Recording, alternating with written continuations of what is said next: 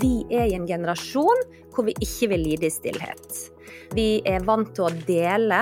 Vi er ikke så private som vår tidligere generasjon og generasjoner har vært.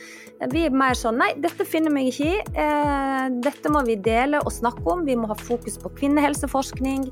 Vi må få midler og hjelp til de plagene vi har. Mm. Noen går jo i overgangsalderen med ganske kjipe plager i årevis. Hvorfor skal vi det, hvis vi kan forske på det og få hjelp? Friskere viten, en podkast fra Nycoplus om det du ikke allerede vet om helse og ernæring. Når man hører hva symptomene er, vil nok mange tenke at det er en sykdom vi har med å gjøre. Jeg eh, oppdaga jo at jeg var kommet i overgangsalderen fordi jeg hadde smerte i håndleddene mine.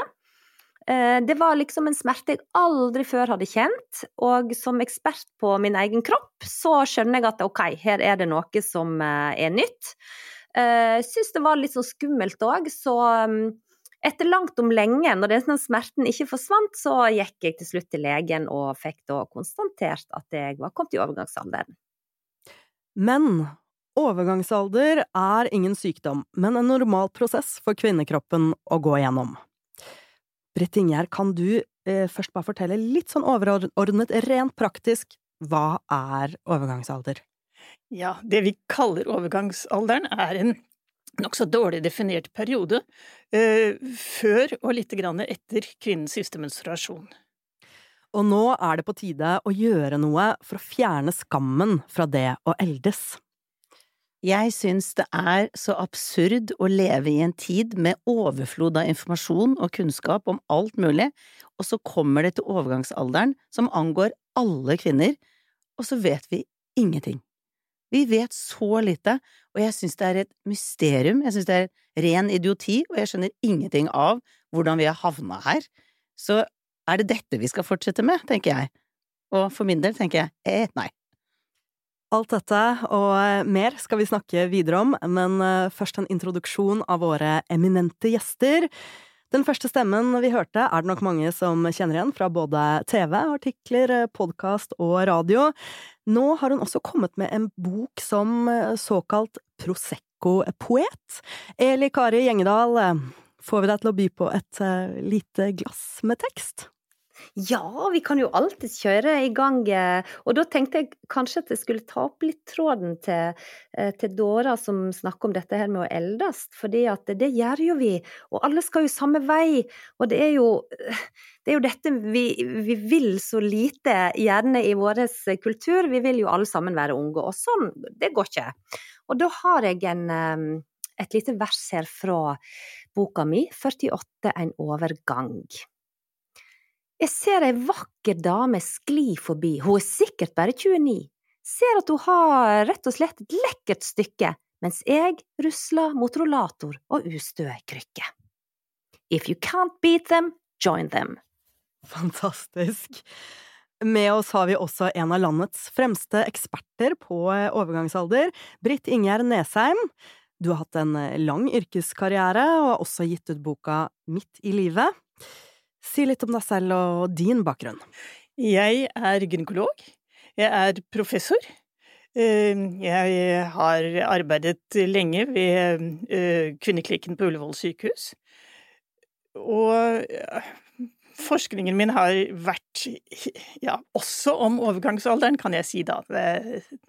I tillegg til mer? Ja. Forskningsfeltene mine har, har vært det. Ja, og jeg har jo som kvinne selv også, som de andre som er til stede her i dag, eh, interessert meg for overgangsalderen, nettopp fordi det er noe vi alle sammen skal igjennom, og som det er, har vært, veldig mye myter rundt. Mm. Ja, det med myter skal vi komme litt tilbake til, men først eh, Dora Toralsdottir, du har laget et helt show om dette vi ikke snakker om, og en podkast eh, for så vidt. Ehm, kan du fortelle lytterne hvem du er? Ja, jeg er jo da eh, i utgangspunktet familieterapeut sånn i bunn, eh, og så eh, er jeg også standup-komiker og foredragsholder. Og jeg skulle lage mitt tredje min, min, tredje soloforestilling. Og så av en eller annen grunn så tenkte jeg ja, hva skal det handle om, og hvor gammel er jeg da? Så tenkte jeg å ja, da er jeg 48, jeg vet ikke helt hvorfor jeg tenkte på det. Og så skvatt jeg litt, for mamma kom i overgangsalderen da hun var 48, så tenkte jeg det er jo bare ett år til! Og da er jeg der, og jeg vet ingenting. Og da ble det veldig naturlig at selvfølgelig er det et show verdig. Det er jo som om tiåringer ikke vet at de skal i puberteten. Mm. Det, du frarøver viktig informasjon som gjør at veldig mange lider unødvendig, og som har masse plager og tror det er noe gærent med dem. Litt sånn som Eli Kari trodde var ALS og var bekymra for alt mulig. Det er jo så mange andre som tror alt mulig som er feil, fordi vi ikke kan noe om dette her. Så da tenkte jeg da gjør jeg to, jeg tar jeg to fluer i ett smekk. Jeg gjør det underholdende. Da får jeg også formidla veldig mye viktig, så jeg har jo alle symptomene rettet på skjerm. Ja. Sånn at de sitter og ser det. 14 symptomer. Eh, sånn at jeg føler at jeg driver Jeg er man on mission, føler jeg. Ja. Med humor. Og du sier du er 48, og boka di eller Kari heter vel 48, så er det en tilfeldighet her, eller ja. Um, men vi skal få noen ekspertsvar på plass først. Hvorfor og når havner kvinner i menopausen, som det også heter? Ja, gjennomsnittlig alderen for siste menstruasjon, eh, det er 52 eh, år. Så eh, noen får da sin siste menstruasjon før det, og halvparten får det etter det. I årene før så skjer det en del forandringer med kroppen vår. Hormonelle forandringer.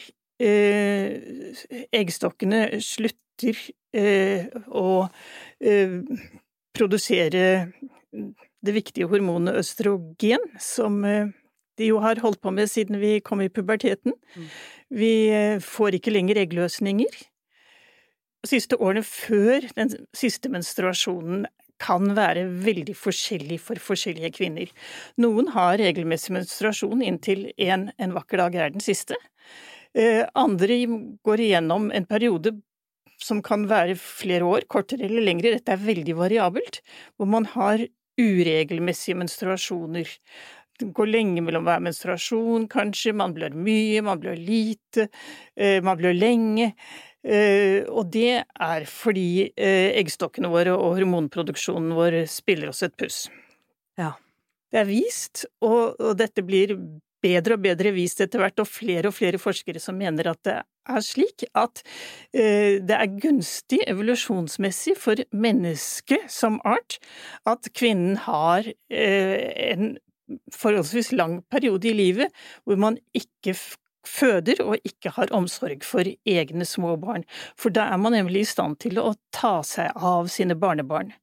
Og det er vist i flere undersøkelser eh, særlig en fra Canada, en fra Finland, hvor man har befolkningsundersøkelser fra dels 17-, dels 1800-tallet, så har de vist veldig tydelig at hvor lenge bestemor lever, er veldig godt knyttet til hvor mange barn familien får. Så jo lengre du har bestemor, desto flere barn kan du få. Eh, og det er fordi vi som art eh, har en veldig lang barndom, ikke sant, og er avhengig av omsorg for små barn veldig lenge, og da er det kjempegunstig å ha en i familien som ikke har egne små barn å ta vare på. Ja, men det er jo jaggu meg eh, altså, relevant fortsatt. Jeg syns det er veldig fint å ha besteforeldre til å hjelpe med mine barn. Vi var jo inne på dette med symptomer i starten, og mm, Eli Kare, du er så tøff å dele personlige erfaringer etter dette første møtet, kan du si litt mer om eh, hvordan de fysiske symptomene har vært eh, videre? Ja, eh, det var jo Altså, jeg kom jo inn i dette med overgangsalderen fordi jeg var veldig bekymra for at jeg hadde en revmatisk sykdom, og aller verst tenkelig tilfelle ALS da. Eh, men da jo jeg, jeg gikk jo til legen i utgangspunktet for å sjekke dette, og da fikk jeg den uh, famøse telefonen hvor de sa at uh, Eli Kari, vi har to nyheter til deg. Det ene er du skal ikke dø av ALS. Det andre det er, nå må du ikke bli fornærma, nå eh, har du kommet i overgangsalderen. Og jeg ble jo veldig glad og letta, for på det tidspunktet så var det kun smerte i leddene, og da fikk jeg vite at pga. hormonforandringer i kroppen, så kan du ofte få både ledd- og muskelplager og, og, smerte. Så det var helt naturlig. Og det Og det var da jeg liksom tenkte hm, dette har jeg aldri hørt om før, fordi jeg har bare hørt om eh, svettetokter eh, og eh, oppfarende eh, middelaldrende dame eh, da. Så, så, da tenkte jeg dette må jo jeg få litt mer rede på, jeg må grave meg litt mer ned i det. Eh, sånn at etter hvert så har jo jeg kjent på alt dette her som, som er symptom på overgangsalderen, da. Eller det blir litt feil å si symptom òg, for det er jo ikke en sykdom, det er jo en naturlig tilstand som alle kvinner skal gjennom. Men, eh, og så har jo denne her eh, svettetuktene kommet, og det varierer litt sånn. Det kan være i perioder. Eh, sikkert noe som påvirker det. Kaffedrikking, fest, lite søvn, alkohol. Masse greier som kan trigge det, tror jeg. Uten at jeg har fått Eh, bevist for meg sjøl noe sånn voldsomt mønster i det, da, så tror jeg det kanskje har litt med stress å gjøre. Eh, og så er det da hårtap. Ja da, jeg har vært til legen pga. at håret mm, lå igjen i sluka rundt omkring, og ble veldig bekymra for det. Eh, fikk vite at det har jo igjen med hormonsvingningene å gjøre. At en blir tynnere i hår og får skjørere hud og sånt. Eh, og så har jeg da opplevd eh, dette med å sove dårlig. Jeg har jo mitt magiske tidspunkt, 5.03.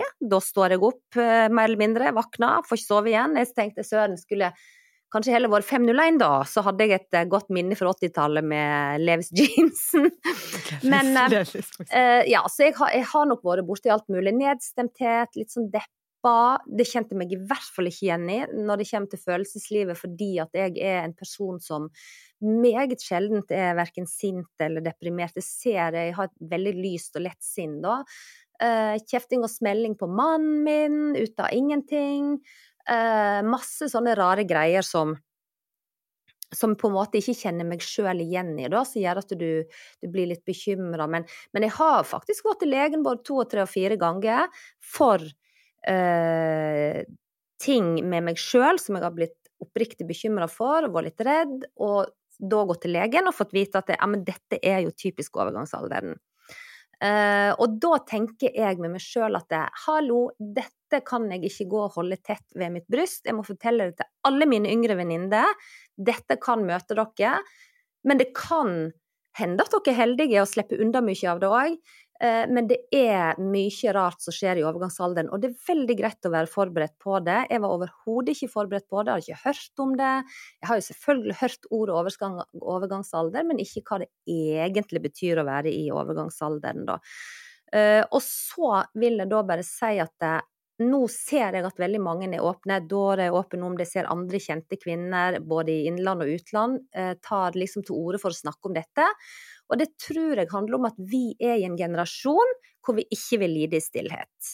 Uh, vi er vant til å dele, vi er ikke så private som vår tidligere generasjon og generasjoner har vært. Vi er mer sånn nei, dette finner meg ikke i, uh, dette må vi dele og snakke om. Vi må ha fokus på kvinnehelseforskning, vi må få midler og hjelp til de plagene vi har. Mm. Noen går jo i overgangsalderen med ganske kjipe eh, plager i årevis. Hvorfor skal vi det, hvis vi kan forske på det og få hjelp? Det er liksom det jeg tenker, da.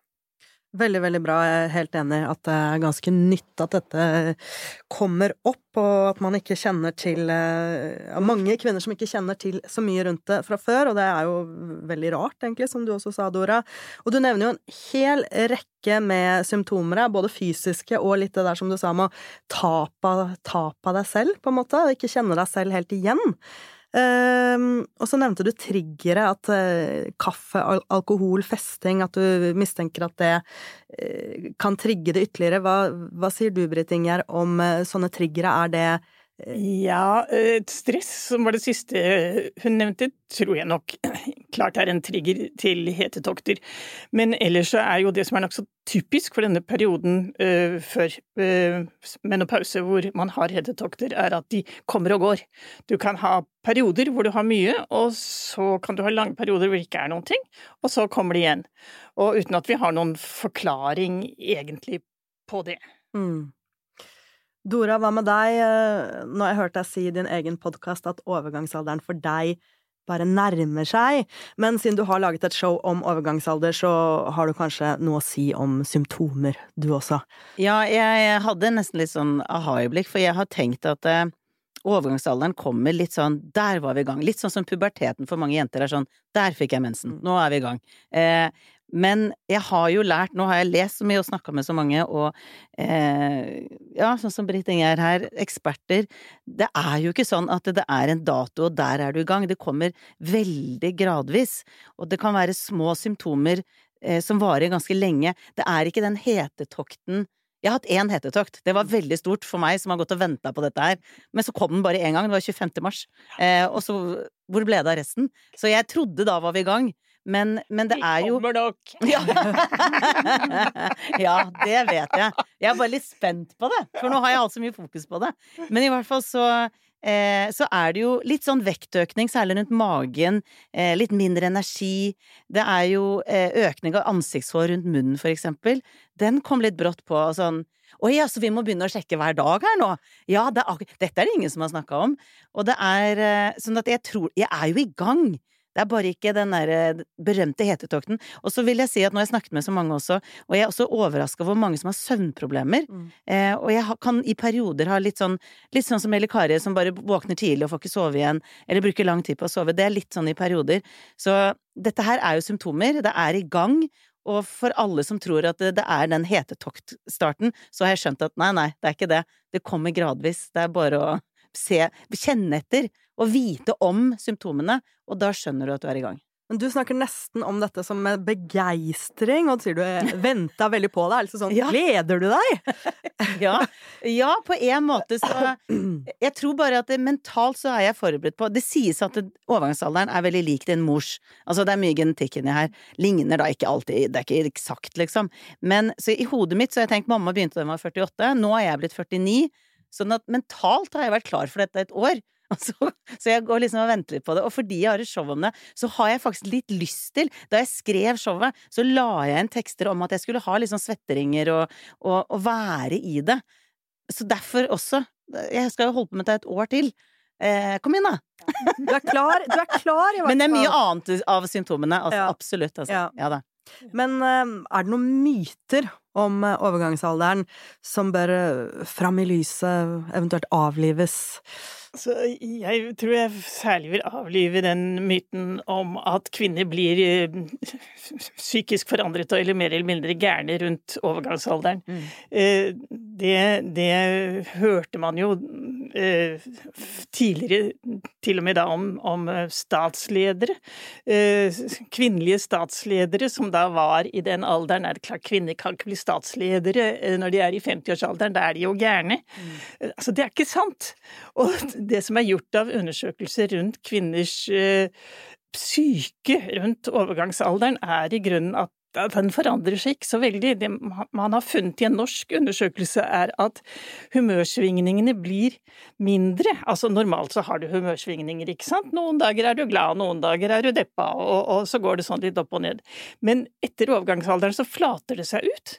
Eh, og man er liksom i jevnere humør, og som jeg pleier å si til studentene når jeg foreleser om dette, at uh, mormor er det alltid blid, er hun ikke det? Mm. Og så nikker alle sammen. Ja, mm. mormor er alltid blid. Men handler det om hormoner? For det er jo på en måte når man akkurat har født og bare gråter hele mm. tiden og sånn, så sier du at det er fordi hormonene går bananas, ja, på en måte.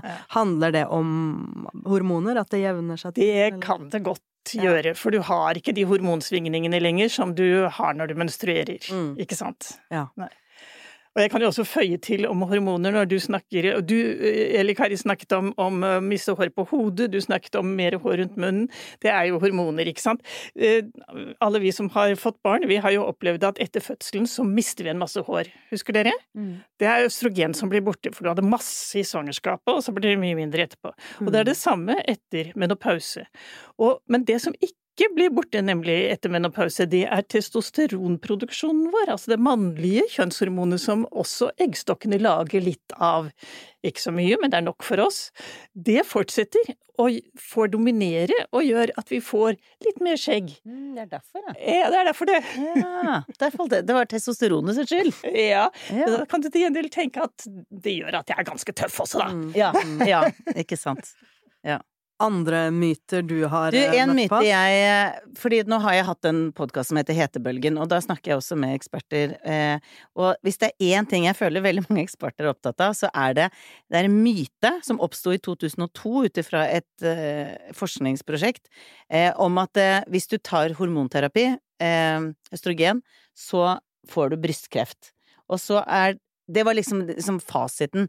Og det gjorde at veldig mange slutta, og salget gikk drastisk ned, og veldig mange slet unødvendig, fordi den undersøkelsen var helt feil, visstnok. Det var gjort på veldig mange kvinner over 65, og det var bare Den er skutt i hjel, og forskning Det er jo kommet videre enn den gang da også.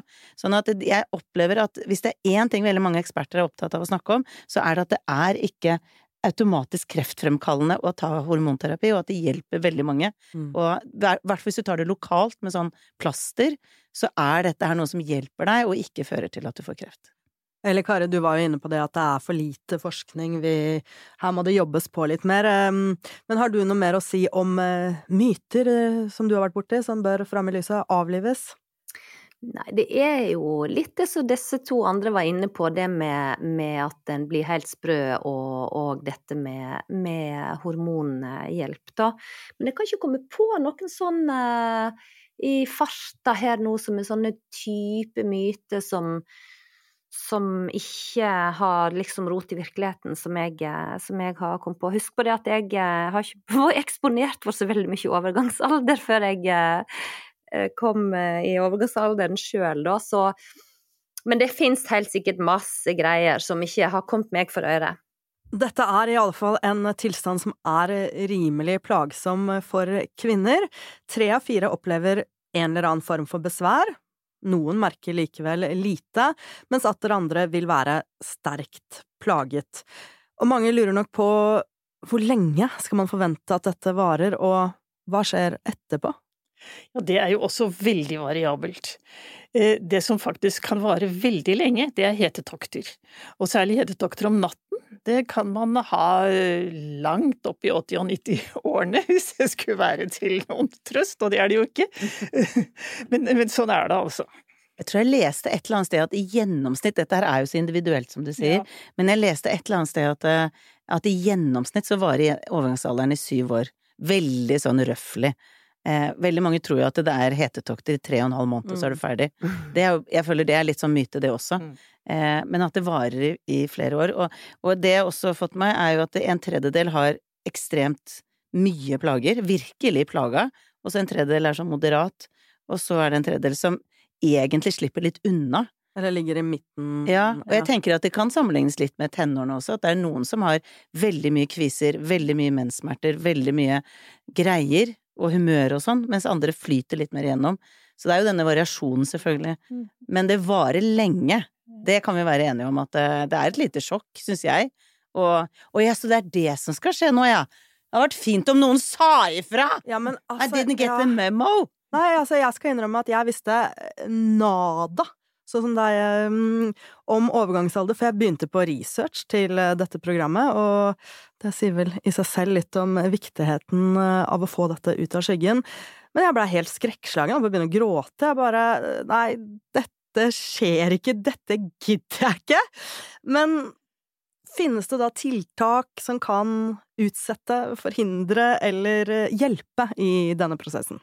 Det fins ikke noe som kan utsette eller forhindre. Det er noe man ganske ofte får spørsmål om, fordi folk tenker at, at overgangsalderen skyldes at eggstokkene slutter å produsere egg og hormoner, ikke sant. Så hvis jeg da bruker p-pille store deler av livet, så sparer jeg vel de eggene, da.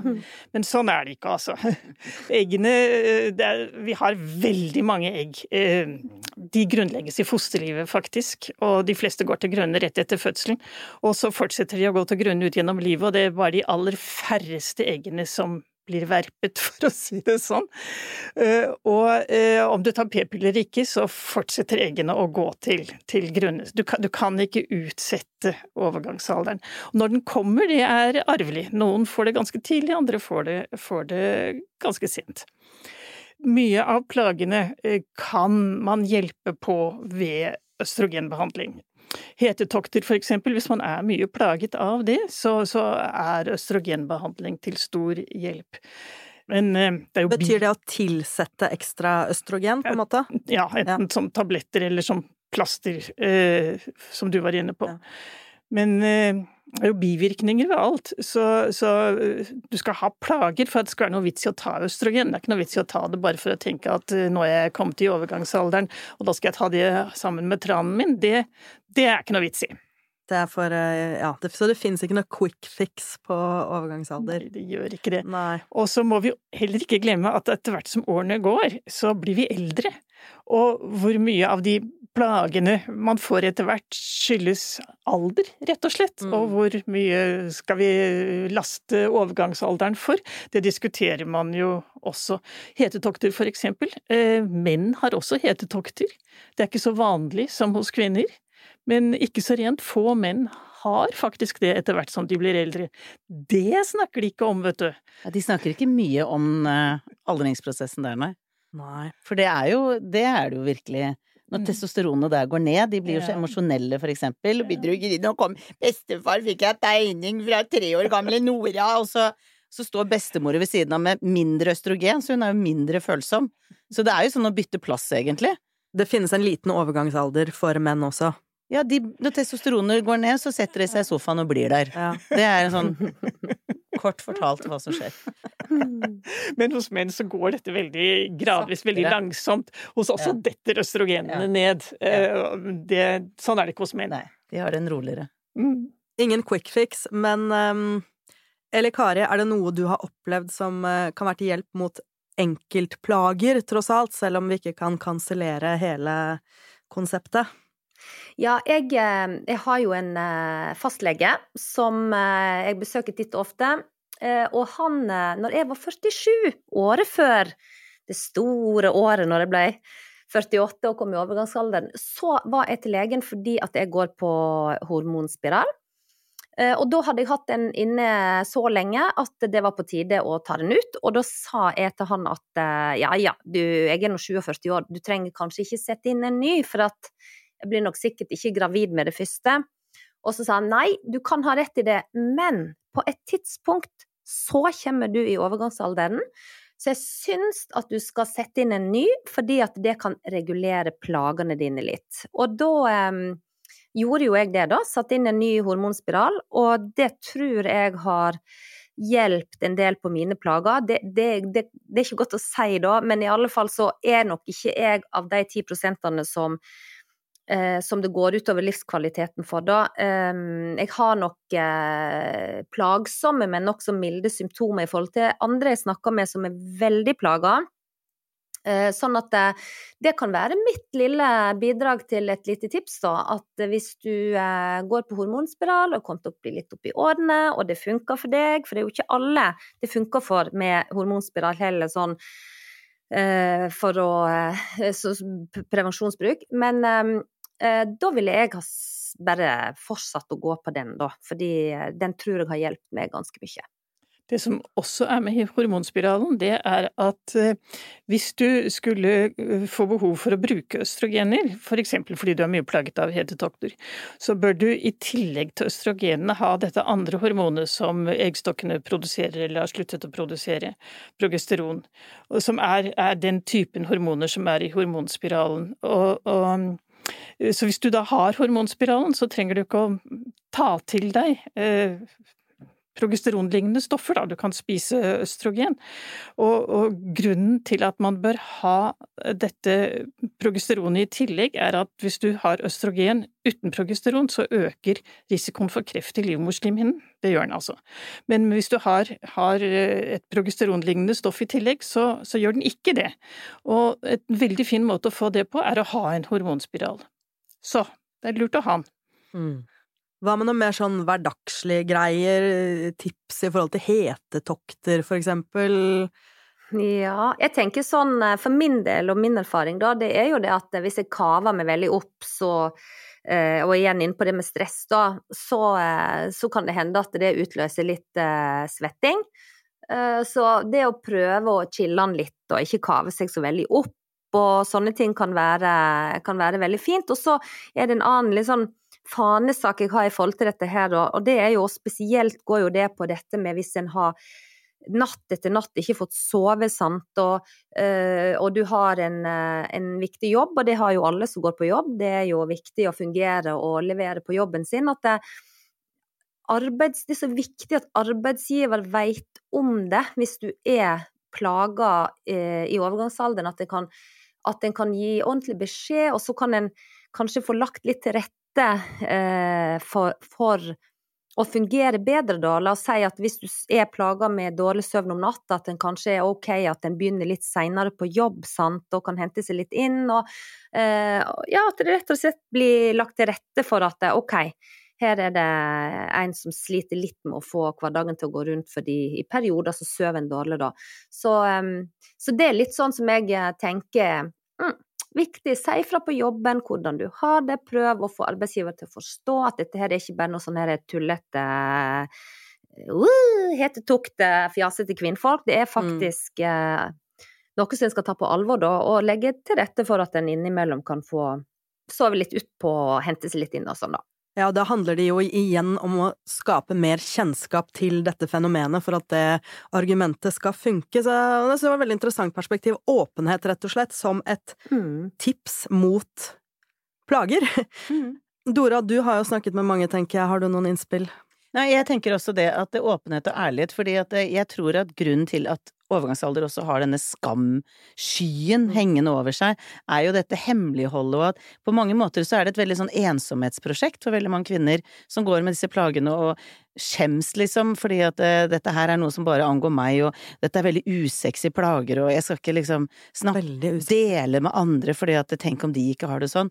Så jeg tror det å bare være åpen og ærlig, og at andre rundt vet hva som foregår, uh, det tror jeg frigjør liksom noe med at du har det bedre i situasjonen, da.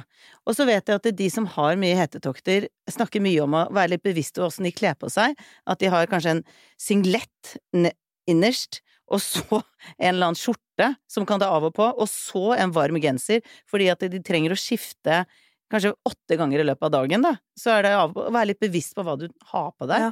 Og så vet jeg også at eh, veldig mange er veldig begeistret for vifter mm. på soverom, for eksempel, eh, og kjøle ned for at det holder ikke bare å ha vinduet oppe, det trengs litt luft. Og da ligger gjerne mannen i ullundertøy og under dyna ved siden av, og så ligger hun helt naken med full vindstyrke og koker. Så det er, vi, altså det er jo helt absurd på mange måter. Altså, det er jo så mye! Og det er heftig. Og jeg tenker at jeg syns det er så dårlig gjort at vi har et samfunn hvor en stor gruppe kvinner plages, sover dårlig, eh, nattesvette, altså dette ubehaget, og så kanskje skal presentere noe på jobben, står og rødmer, ikke sant, det ser jo ut som hun rødmer, mm. men det er jo bare at hun er kokvarm, eh, og som sagt, da dårlig søvn, eh, dårligere konsentrasjon, hjernetåke er jo en av konsekvensene også av dette her, så da kanskje står hun og famler litt etter ord, og da dømmer vi de som sitter rundt, da, som ikke vet bedre, dømmer henne for å være klønete og sosialt awkward, men så er det bare overgangsalderen som skjer, og så blir det denne merkelappen på at du er litt ute å kjøre og herregud, du har ikke kontroll på ting og sånn, istedenfor at det er en raushet på at der er du, for det har vi på tenåringer, og jeg mm. driver og drar inn tenåringer her, fordi vi har egentlig to sånne hormonkjørperioder, det er jo tenårene, da blir du fruktbar, overgangsalderen slutter å være fruktbar, mm. og på tenårene, der tåler vi at humøret går opp og ned, med det er kviser, det er greier, mye opplegg, liksom, og da er vi så tolerante i forhold til overgangsalder. Det er akkurat som vi bare Vi har ikke begynt, føler jeg. Ja, at man eh, lider i ensomhet, som du sa. Ja. ja for jeg føler at overgangsalderen er liksom blant de siste tabuer. Vi har tidligere i podkasten snakket om mensen, og at det snakkes for lite om og fortsatt er tabubelagt, men jeg tror det snakkes enda mindre om eh, overgangsalder at det eneste stedet overgangsalderen finnes, det er som et sånn komikkelement i komiserier og eh, sitcoms. Og Dora, du har jo altså viet et show og en eh, podkast til overgangsalder. Si litt mer om hvorfor dette temaet er så skambelagt. Jeg, tror, jeg, personlig tror det er to ting. Altså, dette er ikke noe fasit, det er bare sånn noen tanker jeg har gjort meg. Det ene det er at symptomene er samtlige veldig usexy. Mm. Det er ikke så ku... Det er ingen av de hvor du tenker sånn Å, jeg fikk i hvert fall den, da. Jeg ser freshere ut på ettermiddagen. Eller uh, du går ned og Eller altså, ser tightere ut. Altså, det er liksom følelsen av forfall og ser litt ufresh ut og ingen det er ingen som kler å være svett og varm og eh, ha svetteringer og det er, det er, jo veldig lite kledelige ting. Og ikke noe liksom å glede seg til, for så vidt. Å ligge der og svette på natta, hjernetåke, gå opp noen kilo uten at du har gjort noe som helst for det, nedstemthet, en sånn tristhetsfølelse. Dette her er jo ikke kule ting. Det gjør at vi opprettholder egentlig at overgangsalderen er noe fælt. Ikke sant? Nå skal du inn i eh, en periode som er grusom. Så det tror jeg er liksom med på det, selvfølgelig. Og så er det dette her som eh, er i vårt samfunn et forherligelse av det unge. Det er liksom det som er fasiten. På reklamer Du skulle tro at alle produkter bare blir kjøpt av 25-åringer. Eh, sånn at det er liksom det unge, det vakre Ung er lik vakker. Eh, og det er det vi trakter etter. Mm. Så det å bli gammel, å uff og uff og det er fælt. Men så viser jo faktisk all lykkeforskning at du, lykkefølelsen går jo opp, ikke sant. Disse, når du snakker om eh, nå, Britt Inger, med at hormonene stabiliserer seg. Eh, du har ofte bedre råd. Du er kanskje ferdig med overgangsalderen etter hvert. Og liksom lander i ditt, og er tryggere på deg selv, og liker den du er ofte mye bedre enn tidligere, fordi at du har rett og slett bare levd lenge nok til å ikke bry deg så mye om hva andre syns. Der nevner du endelig positivt. Er, ja, ja, og det snakker vi altfor lite om. Fordelen med å bli eldre, det er klart det er fordeler. Plutselig begynner du å leve livet ditt, mm. og det er jo noe som jeg også, hvis jeg kan nevne det, eh, i forhold til eh, eh nå kan jo Britt Inge kan jo mye, mye mer om dette her enn meg, men sånn som jeg skjønner, så når østrogenet går ned, så eh, er det som om den biologiske omsorgsgenet eh, går litt ned, og det er litt mer sånn nå er det min tur. Dette her med å skulle ta vare på alle andre, det blir litt redusert, og så blir det mer plass til deg. Og det snakker vi ikke så mye om, hvor deilig det er å begynne å ta mer plass, og jeg har lyst til å gjøre det, for det, det har jeg lyst til! Drit i hva andre syns! Være litt ego. Ja, eller det er egentlig ikke ego, det er mer at nå tar jeg mer plass i ja. mitt eget liv. Ja. Og nå lever jeg mer i mitt liv, og ikke for alle andre. Og det syns jeg vi snakker litt om, for det er noe nesten å glede seg til, ja. tenker jeg. Ja, men Det er veldig fint at vi kan holde fram noen um, positive ting også, men ja, det med skam Du sier usexy symptomer, dyrking av ungdommelighet, som jo handler om Det handler om å bli eldre. Ja. En erkjennelse nå begynner jeg å bli eldre. Og det er jo en sånn, det er jo en enda større debatt igjen om eh, tabu rundt eh, alderdom og det å eldes, seg. Men jeg har også lurt på, er det noe eh, underliggende i og veldig teit i at det koker også litt ned til at kvinnens funksjon og oppgave her i verden er å få barn, på en måte, og at overgangsalderen markerer at man ikke lenger kan få barn, og at man som ufruktbar dermed ikke er verdt noe mer, eller er ikke bruk for deg mer. Altså sånn, en sånn underliggende idé her i forhold til Afrodite, fruktbarhetsgudinnen, bla, bla, bla. Mm. Tanker? Ja, jeg tror du har veldig rett i det du sier også om frykt for alderdom, men også de positive tingene som øh, følger med og bli mm. eldre, rett og slett. Men, men øh, dette som du nå sier om, om øh, fruktbarhet og, og, synet på det, ikke sant. Ja, det er klart det. Altså, man er da ikke så sexy lenger. Menn syns ikke at eh, kvinner over overgangsalderen er sexy. Det, de snur seg til 20-åringene. Og du ser jo de alfamennene som har anledning til det, de kvitter seg jo med kona og får seg en som er 20 år yngre. Mm. De har jo så mye til felles. ja, ikke sant. Jeg lurer Nei, alltid på altså, hvordan er de samtalene? Eh, jo, det må jo være noe biologi i det, at, at, i mannens biologi så gjelder det å få spredd genene sine så mye som mulig, ikke sant? Så mange damer som mulig som er fruktbare, så får du spredd genene dine.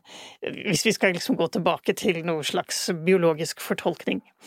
Det er jo ikke sikkert det er riktig, men men dere, Dora, du klarte faktisk å eh, trekke fram noen positive ting også oppi all denne mm. elendigheten, eh, så vi ikke avslutter på en sånn fryktelig deprimerende tone. Finnes det noe annet positivt vi kan ved denne transformasjonen? Ja, det som faller meg først inn, er jo at jeg kan ikke bli gravid lenger. Mm.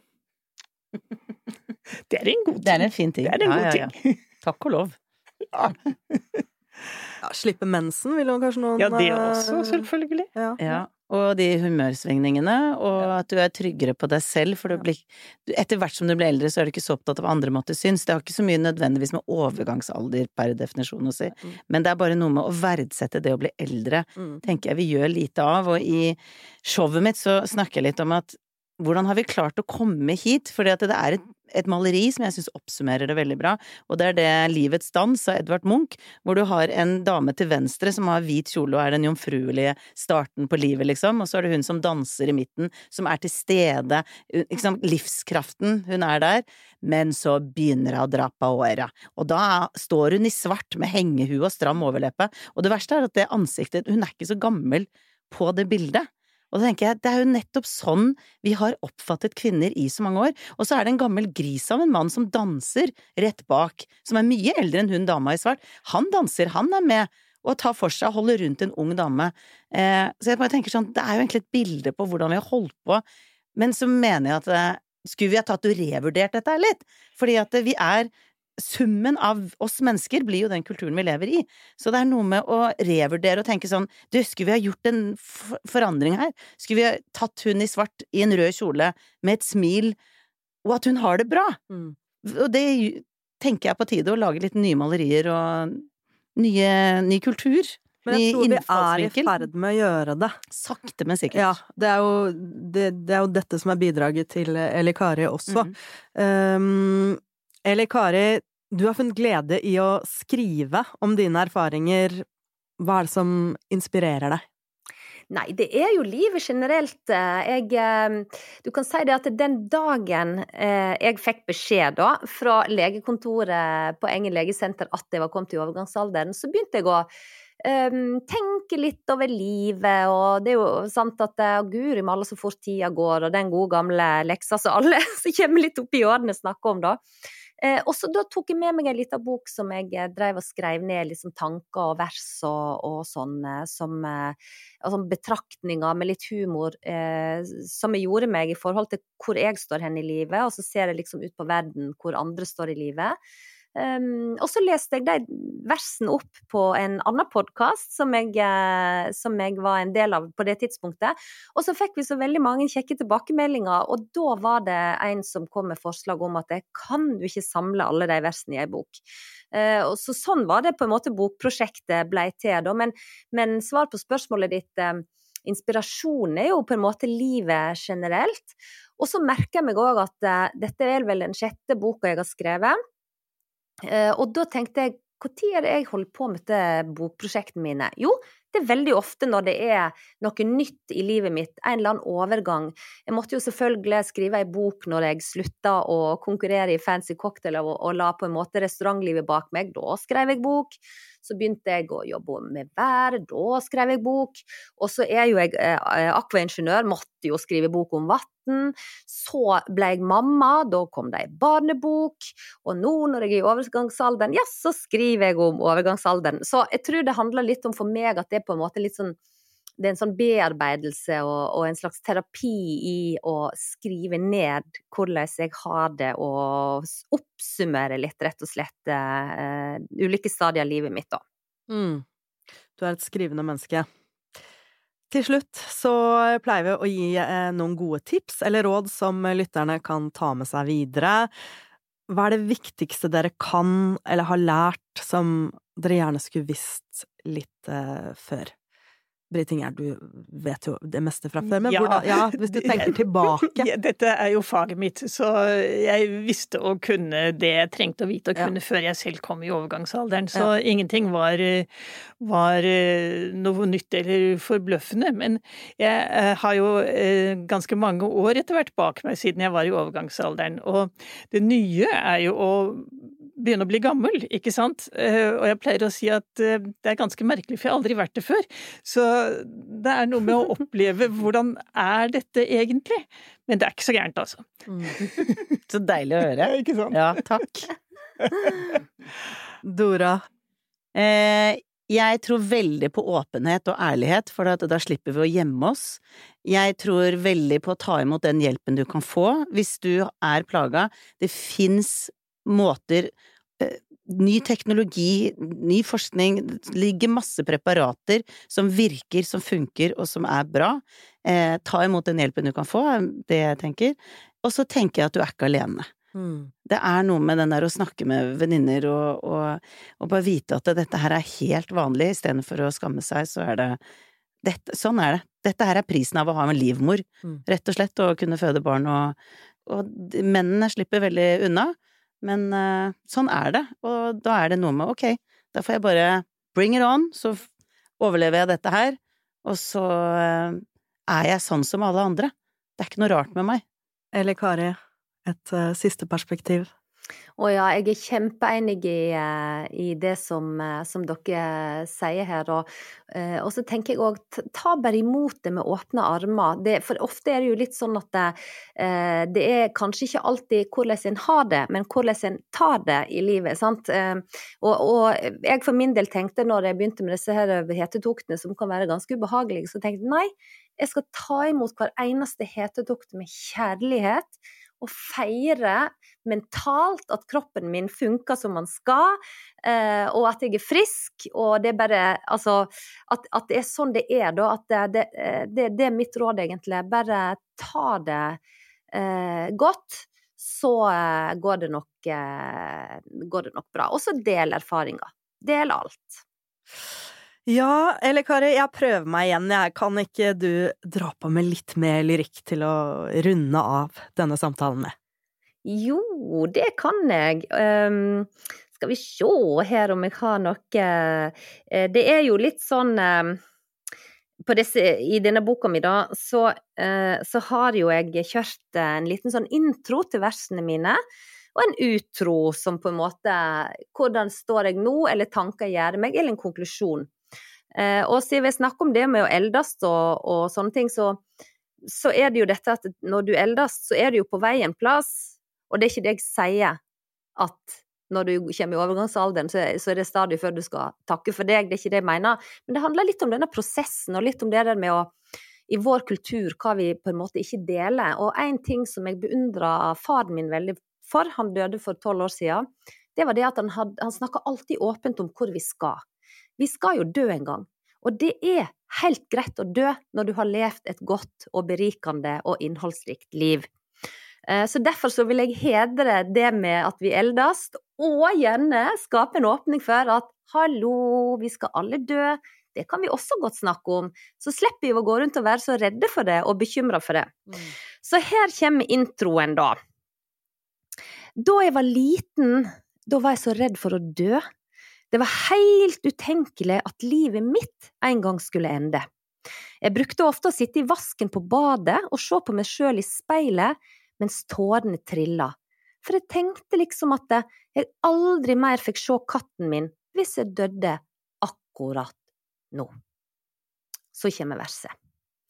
Jeg ser for meg min grafer så storslått og fin, ja, jeg ser det så klart at jeg sitter og griner, men godt plassert der nede hos makken, ser jeg katten som legger seg og sover oppå bakken. Kanskje jeg heller skal la meg kremere. Altså Eli Kari Gjengedal, mine damer og herrer. Tusen takk skal dere ha, alle sammen. Britt Ingjerd Nesheim, Dora Toralsdottir og altså Eli Kari Gjengedal. Det har vært en fryd å prate med dere om det vi ikke prater om. Men jeg syns faktisk også at som med andre kvinnehelseting at overgangsalder så smått eh, begynner å klatre opp på dagsorden og bli et noe mer synlig tema. Og det tror jeg dere som sitter her, har vært veldig viktige bidragsytere i forhold til. Håper vi kan fortsette å snu den trenden. Takk også til deg som har hørt på. Jeg heter Arnhild. Dette er Friskere viten. Har du noen spørsmål eller innspill til dagens tema, skriv til oss på Nycoplus på Facebook. Takk for i dag. Vi høres.